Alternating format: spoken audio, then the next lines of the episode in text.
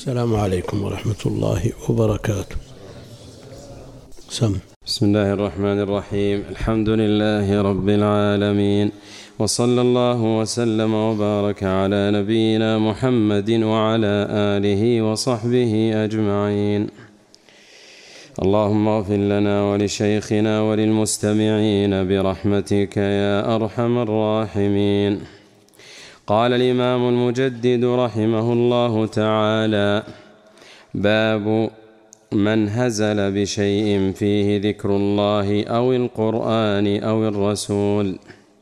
وقول الله تعالى ولئن سألتهم ليقولن إنما كنا نخوض ونلعب. الآية عن ابن عمر رضي الله عنه عنهما ومحمد بن كعب وزيد بن أسلم وقتادة رضي الله عنهم. دخل حديث, دخل حديث بعضهم في بعض.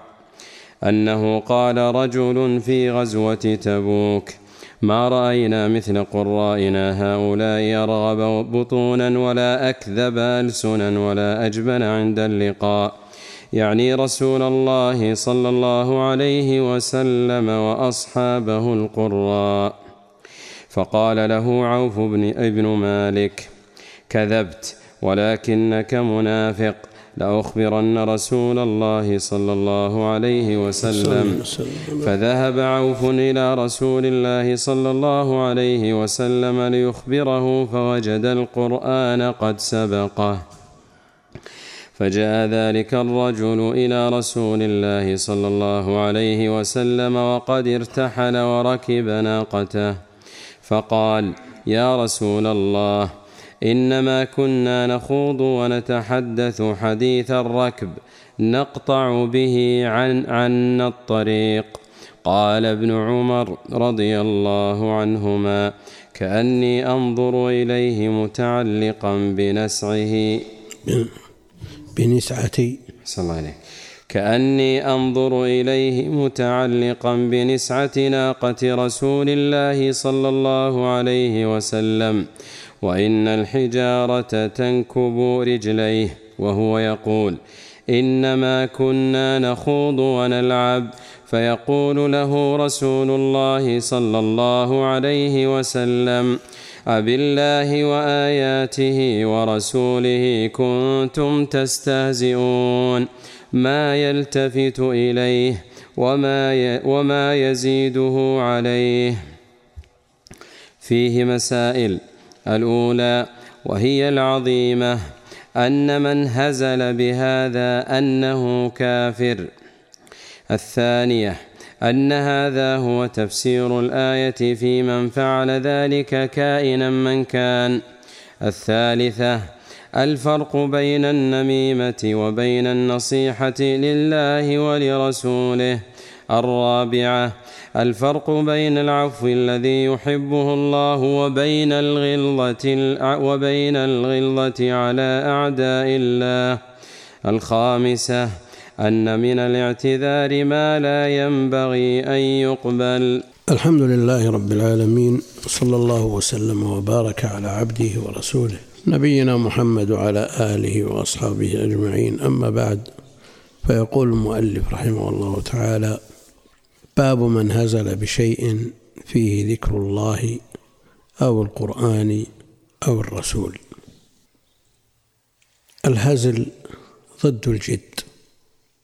واللعب والمطلوب من المسلم أن يكون جادا لا هازلا ولا لاعبا وأن يأخذ ما أوتي بقوة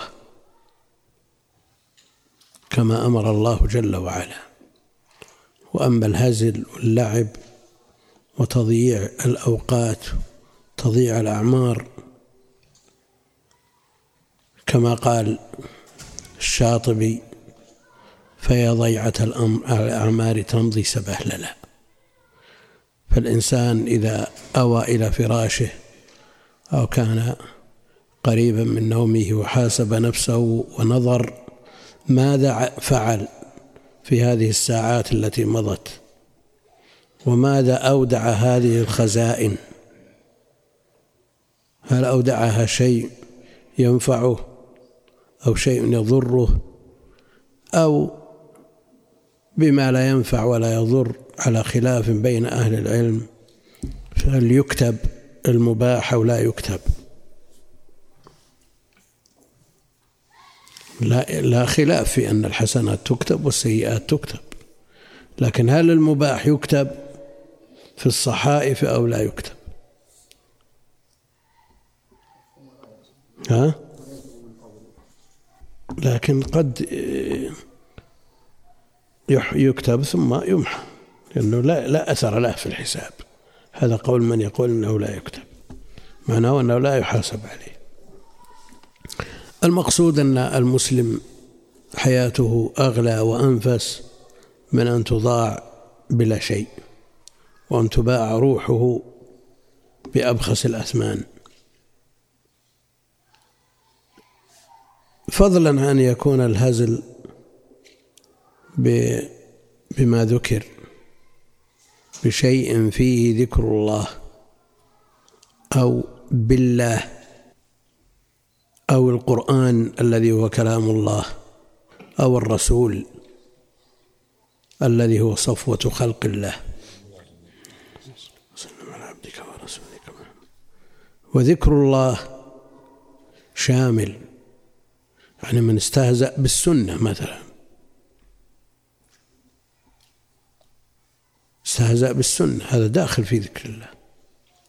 استهزأ بالقرآن أو بغيره من الكتب المنزلة قبل تحريفها لأنها يجب الإيمان بها. والقرآن محفوظ من الزيادة والنقصان. لا يجوز أن يستهزأ به ولو على سبيل المزح أو الهزل لا يجوز ذلك. أو الرسول والمقصود به الجنس المصطفى محمد عليه الصلاة والسلام ومن قبله من الرسل لأن الإيمان بالجميع ركن من أركان الإيمان. فلا يجوز أن يستهزأ ولا يستنقص. أحد منهم لا نفرق بين أحد منهم. وجاء عن النبي عليه الصلاة والسلام النهي عن التفضيل بين الأنبياء مع أن النص في القرآن تلك الرسل فضلنا بعضهم على بعض لكن النهي عن التفضيل لئلا يسترسل أحد ممن يرى هذا التفضيل أو يقول بهذا التفضيل فيتنقص أحدا منهم. ولا شك أن نبينا محمدا عليه الصلاة والسلام هو سيد الأنبياء أشرف الأنبياء والمرسلين. لكن هو يقول لا تفضلوني على يونس بن متى. لأن أفراد المسلمين وآحاد المتعلمين إذا قرأ ما جاء عنه عن يونس بن متى وما حصل له مع قومه قد يتناوله بشيء من التنقص. على كل حال كل هذه أمور محسومة والكتب والرسل كلهم الايمان بهم من أركان الإيمان. تنقص شيء منهم داخل في هذا الباب. وقول الله تعالى وقول مجرور معطوف على من؟ ومن مضاف إليه باب من؟ وقول الله تعالى ولئن سألتهم ليقولن إنما كنا نخوض ونلعب الآية إنما كنا نخوض ونلعب وهذه الآية سبب نزولها ما جاء في الخبر الآتي. لئن سألتهم يا محمد عن كلامهم الذي تكلموا به من طعن في النبي عليه الصلاة والسلام وأصحابه قالوا نخوض ونلعب كما سيأتي في كلامه. يقطعون به الطريق. كثير من الناس إذا استرسل في الكلام ليقطع الطريق أو ليقطع الليل بالقيل والقال تعدى المباح إلى المحظور. وهذه سنة الاستدراج من المباح إلى ما بعده. فالإنسان إذا عود نفسه على الإكثار من المباحات تعداها إلى المشتبهات ثم إلى المحرمات. قل مثل هذا في المآكل في المشارب في غيرها من متع الدنيا. من استرسل فيها لا بد أن يتجاوز. ولذا جاء عن بعض السلف أنهم يتركون تسعة أعشار الحلال خشية الوقوع في الحرام. فإذا طال الوقت لا بد أن يكون للشيطان فيه نصيب. ينتهي الكلام المباح. إلا إذا شغل بذكر الله.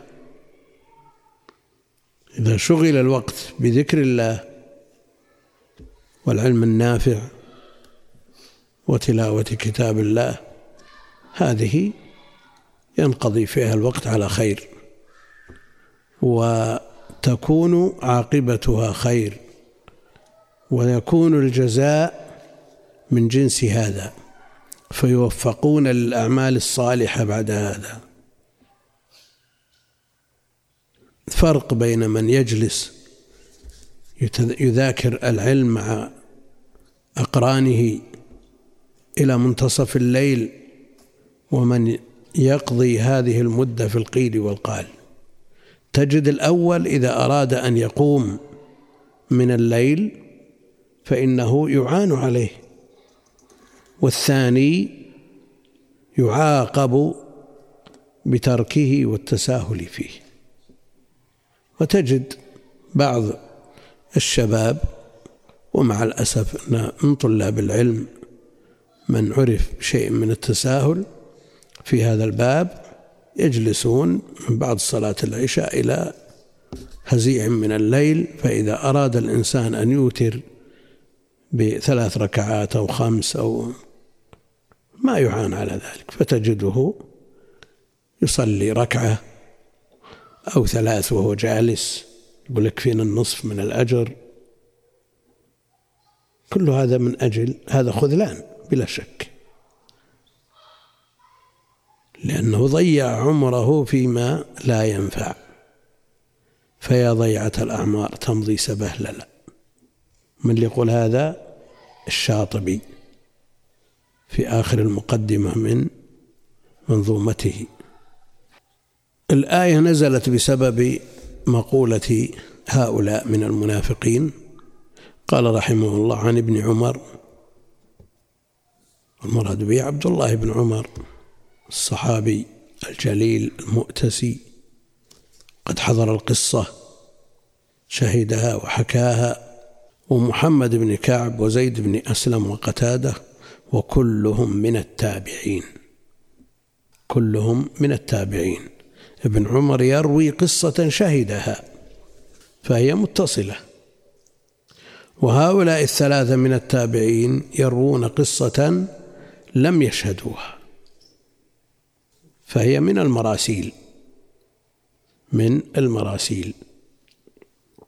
والمراسيل حكمها معروف عند أهل العلم.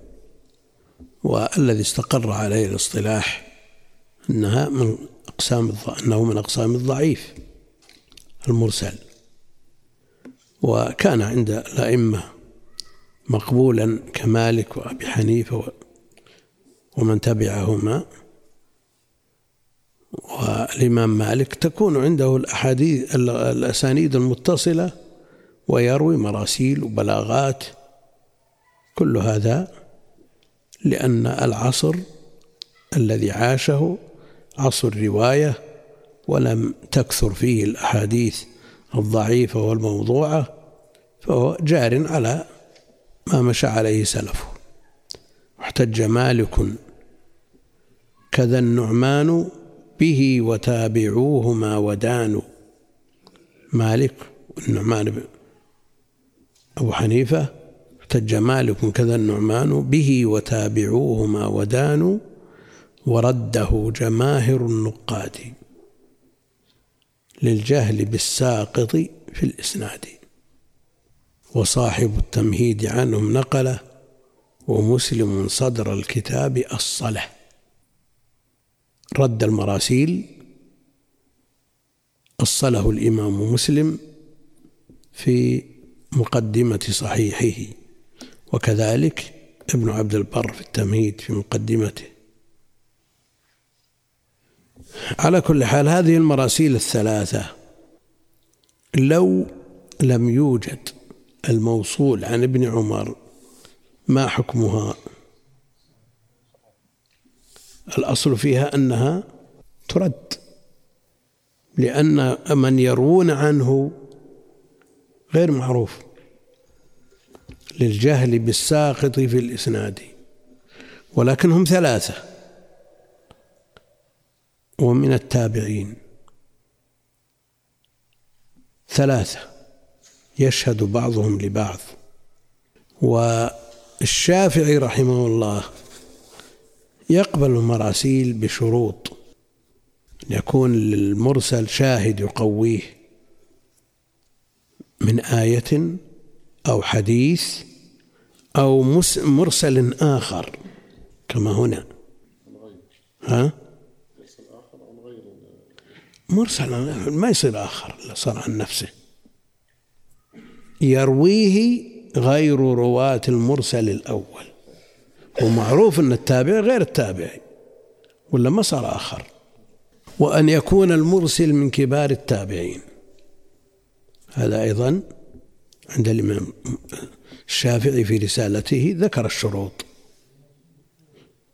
وإذا سمى المرسل لم يسم راويا مرغوبا في الرواية عنه. يعني ما يسمي إلا ثقة. ها؟ سعيد. إطلاق إجمالي لكن التفصيل الذي ذكر فيه الشروط هو هذا. والمراسيل مراسيل سعيد مقبولة عند الشافعية. الشافعي يقول إرسال ابن المسيب عندنا حسن لأنهم سبروها فوجدوها موصولة. عمن؟ ها؟ عن أبي هريرة. صهره. يقول دخل حديث بعضهم في بعض. يعني جملة من كلام هذا وجملة من كلام هذا وصعب التمييز بين ما يرويه أحدهم عن الآخر. دخل حديث بعضهم في بعض. أنه قال أنه قال رجل في غزوة تبوك غزوة تبوك سنة تسع من الهجرة من أواخر غزواته عليه الصلاة والسلام ووقعت في شدة الحر وبعد المسافة وقوة العدو. وكان كان مع النبي عليه الصلاة والسلام ثلاثون ألفا من الصحابة. فالمنافقون خذلوا من خذلوا ورجعوا بعدد كبير منهم.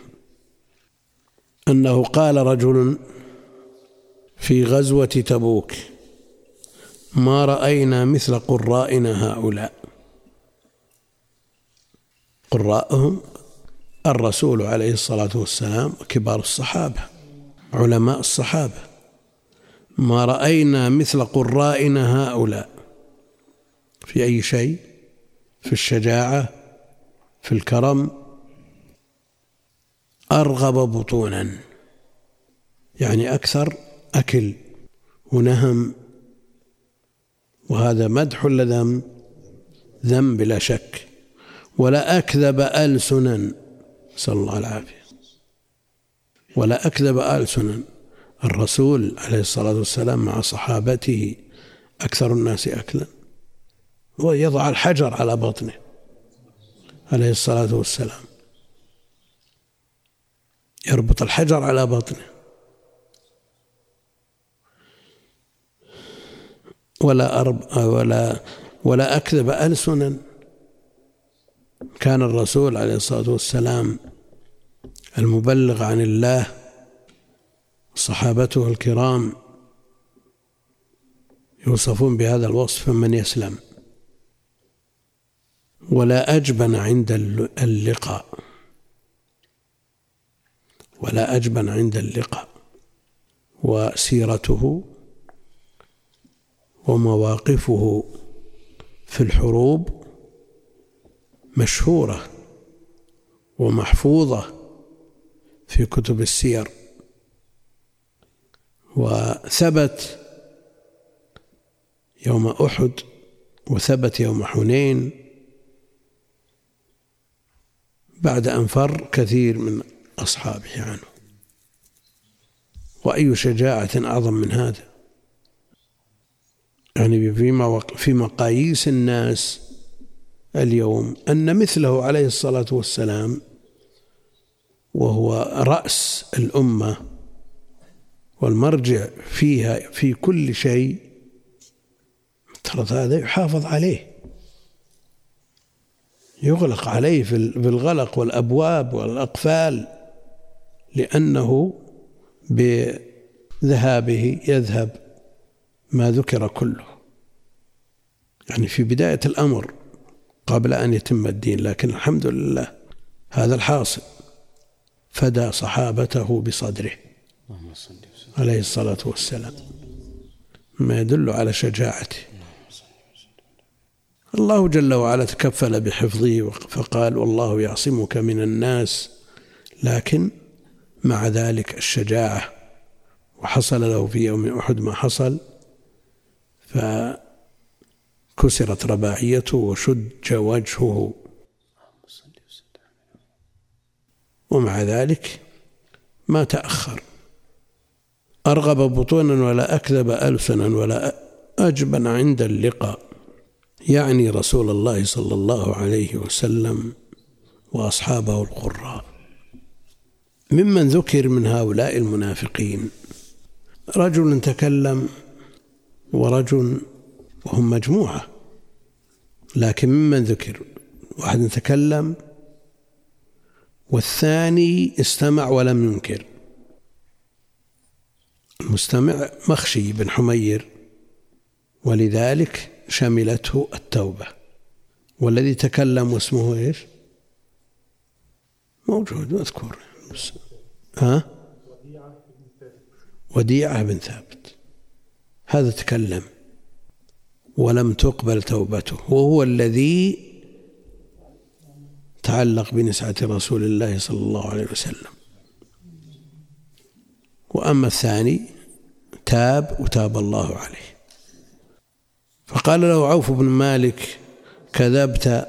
لحظة لحظة بيجي كل شيء إن شاء الله. إيش تبي أنت؟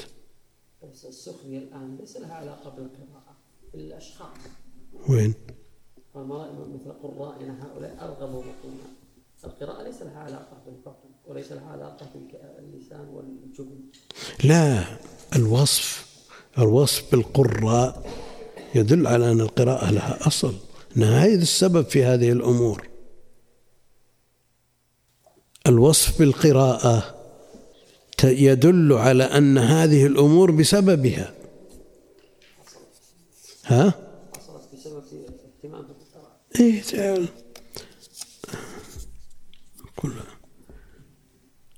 يقول شهر بن حوشب اتهم بسرقة خريطة وضعفت روايته. نعم. فقال من قال من, من أمثال هؤلاء ومثل مثل الكتبة الذين يكتبون الآن ويصفون أهل القرآن والمهتمين بالقرآن بأوصاف قبيحة لأنه وجد منزل واحد أو اثنين أو مجموعة من من ألوف مؤلفة يرمون الجميع. فقال لقد باع شهر دينه بخريطة فمن يأمن القراء بعدك يا شهر. يقول كل القراء من يأمنهم. فجعل القراءة سبب في السرقة لأن الوصف الوصف المشتق. إذا سيق نعم حال عليه العلة. هذا معروف عند أهل الأصول. شيخنا أحسن الله إليكم. ليس معنى قوله قراءنا علمائنا؟ القراء في الأصل هم العلماء. وسواء قلنا أن السبب القراءة أو العلم والعلم الكتاب والسنة كلها تدور حول المدار وهو يقصد بذلك الرسول عليه الصلاة والسلام وأصحابه. فقال له عوف بن مالك كذبت ولكنك منافق. لأخبرن رسول الله صلى الله عليه وسلم.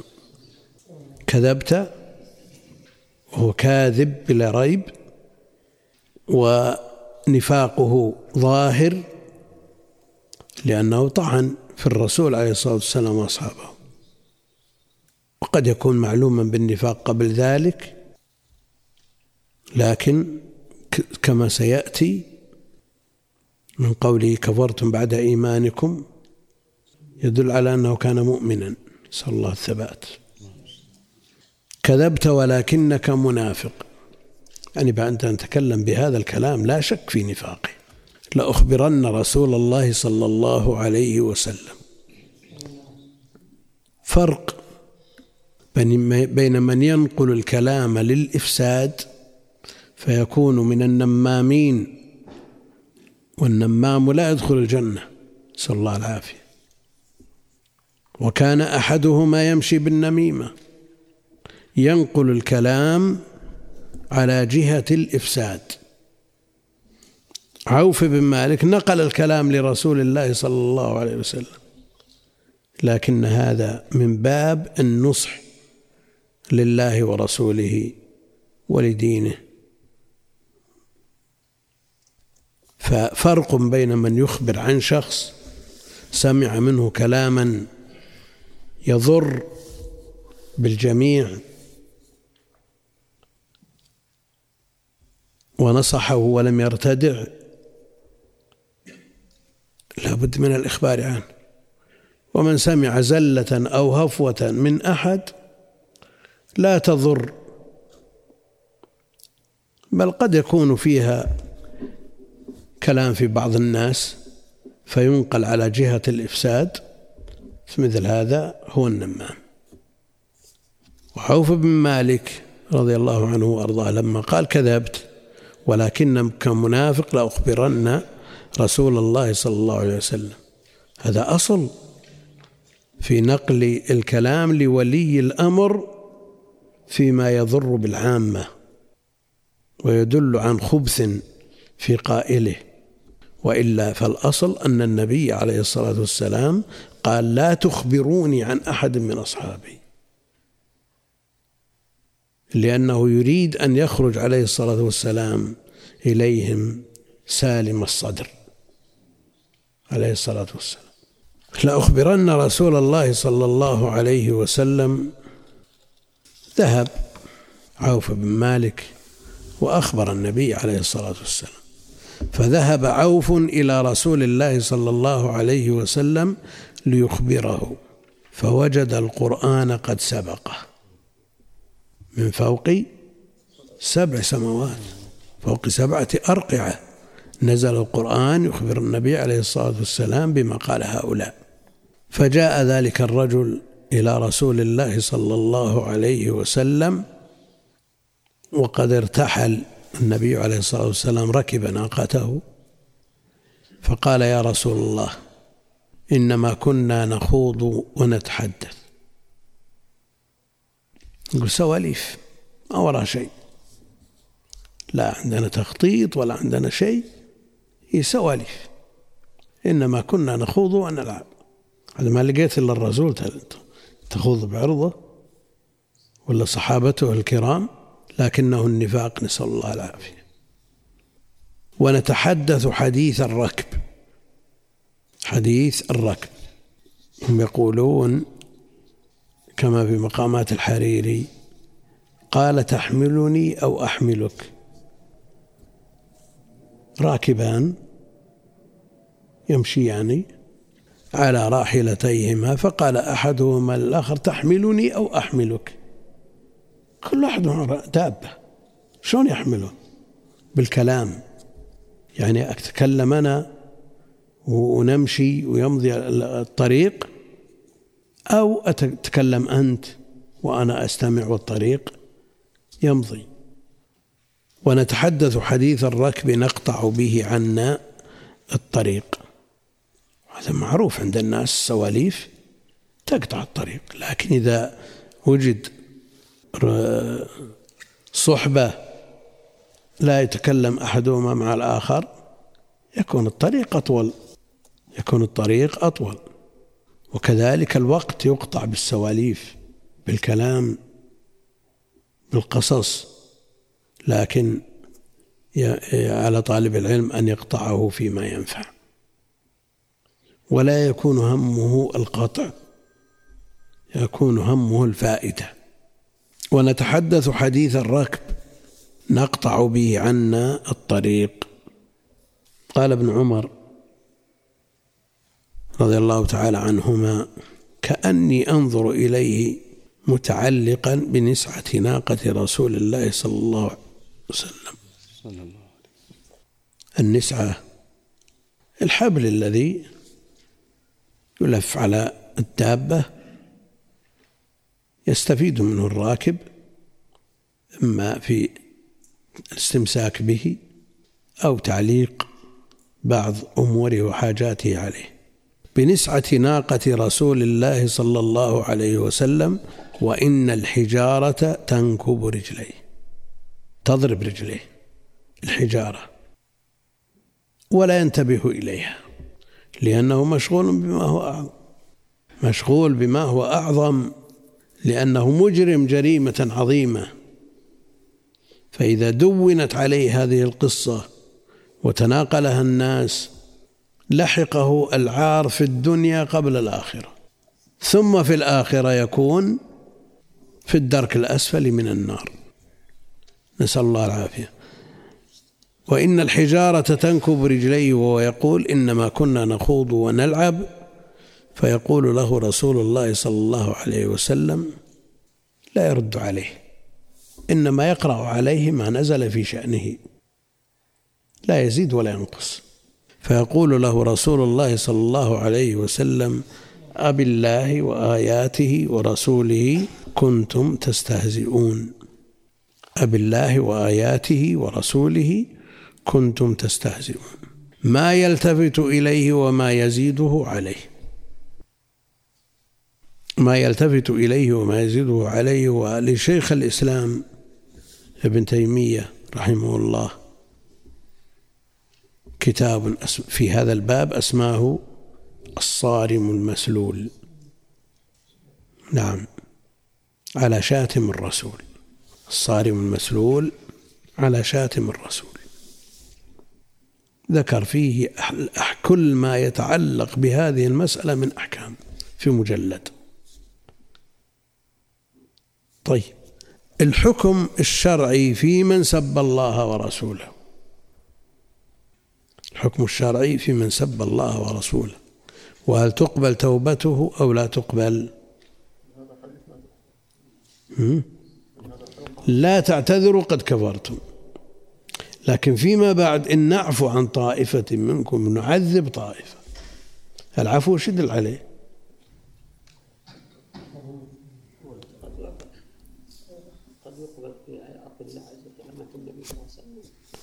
يأتي الحكم هذا.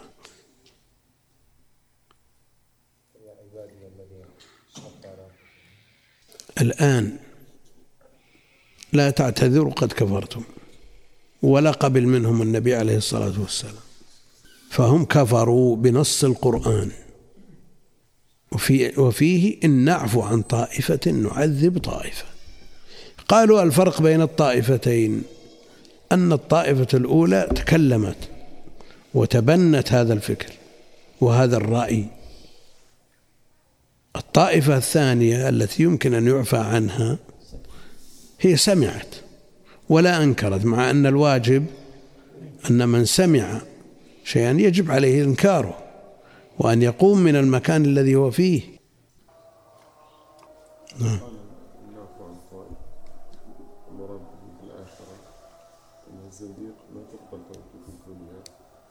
ولو صدق توبته الله كما قال العلماء قد يكون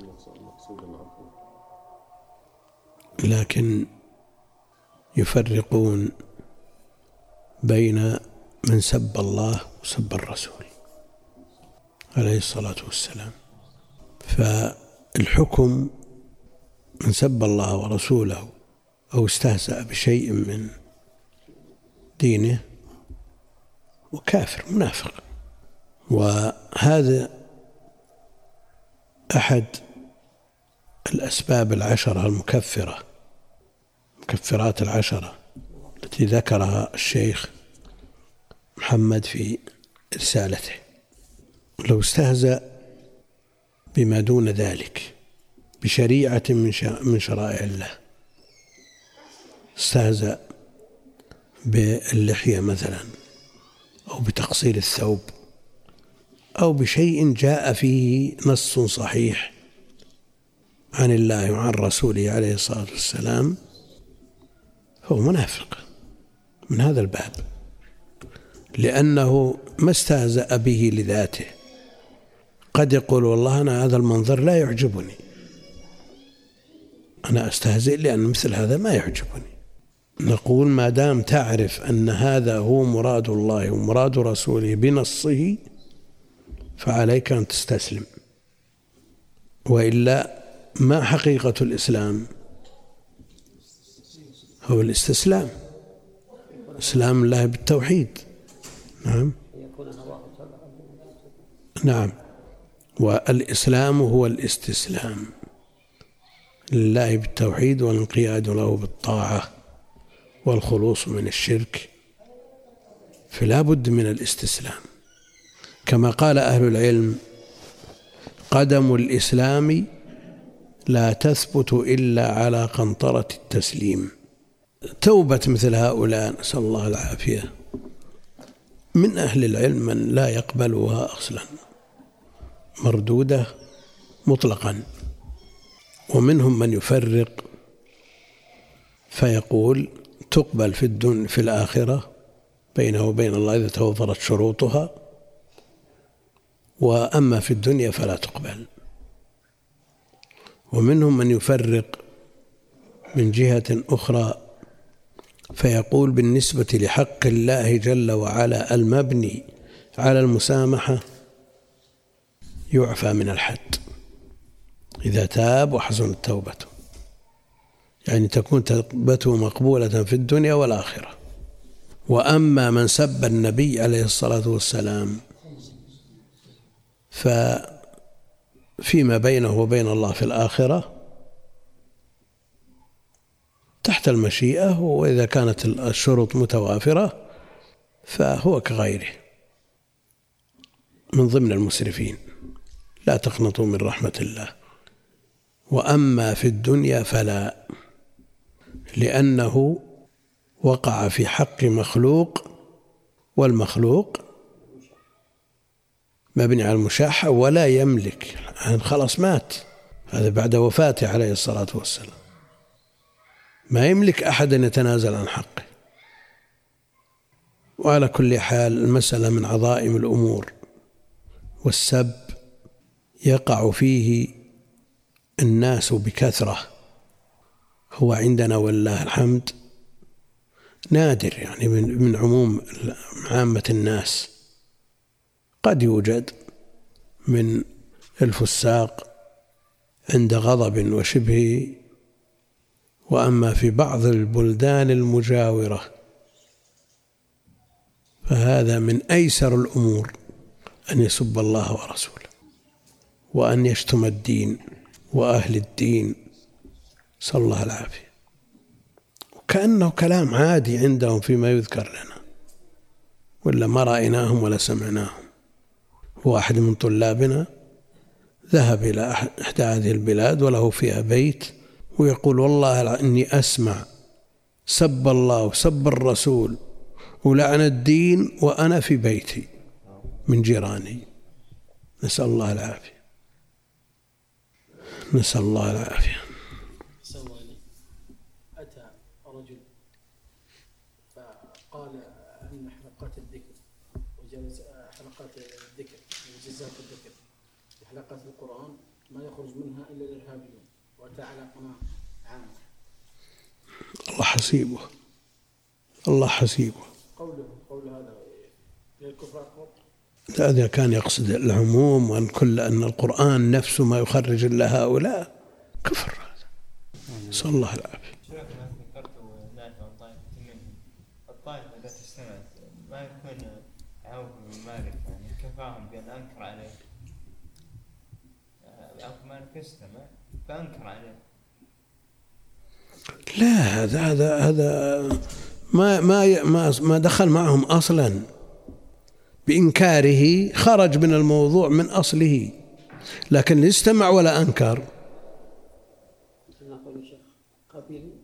منه. يعني است- استمعوا واستمعوا للإنكار لكنهم قبلوا قوله. حتى ندخلهم في لكن إذا أنكر من يكفي ما يلزم الجميع.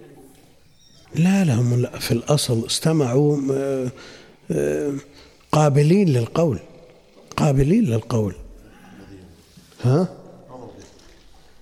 نعم. وقد نزل عليكم في أن إذا سمعتم. إيه. إيش فيها؟ من قاعد شريك شريك. لأنه الإحراج في المجالس ويشكى منه كثيرا. أنه قد يجلس مع أبيه أو مع أمه أو مع أعمامه ويقعون في المحظور.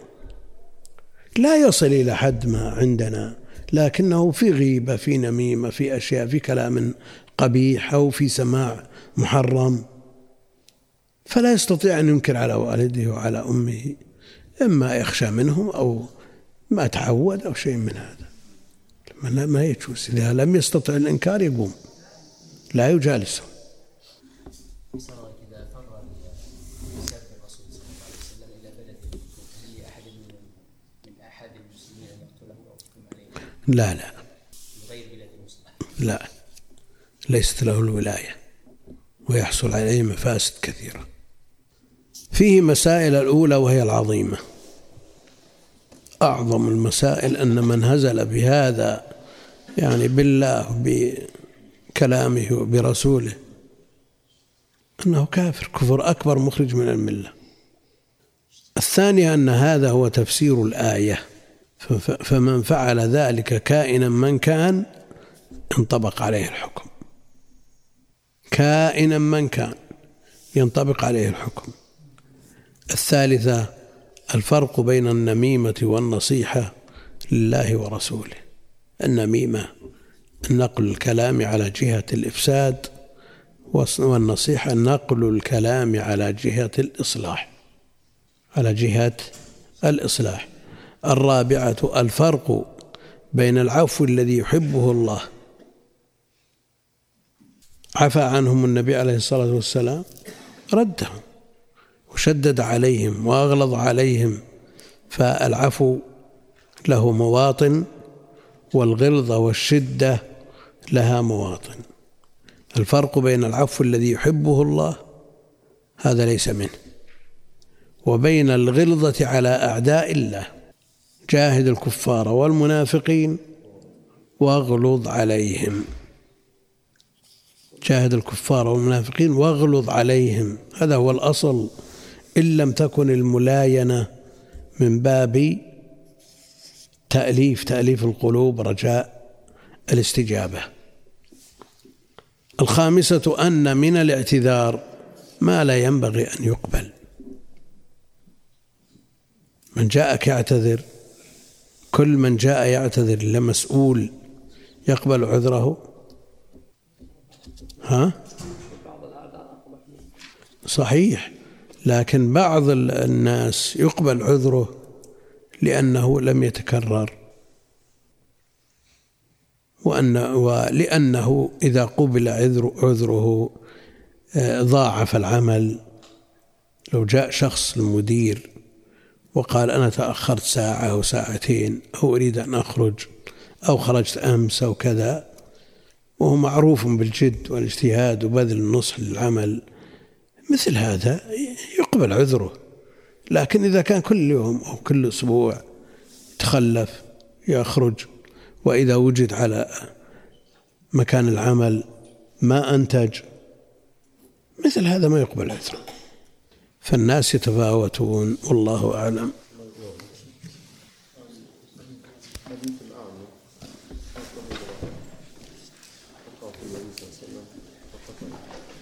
إيه. ما امرأة؟ جارية. جارية. جاء في الحديث أقيموا الحدود على ما ملكت أيمانكم. إذا زنت أمة أحدكم فليجلدها الحد ولا يثرب عليها. لكن يمكن يقتل زوجته؟ لا. صلى الله عليه عفوا عوف بن مالك ذهب إلى رسول الله. صلى الله عليه وسلم على يخبره طيب من يفعل نفس الفعل بيستهزئ أذهب إلى أهل العلم أو أذهب إلى الوالي أو أرفع دعوة قضائية على من يفعل هذا الفعل؟ جزاك الله خير. يعني أنا سؤالي من؟ شلون تذهب؟ يعني إلى الجهة إلى الجهة المسؤولة.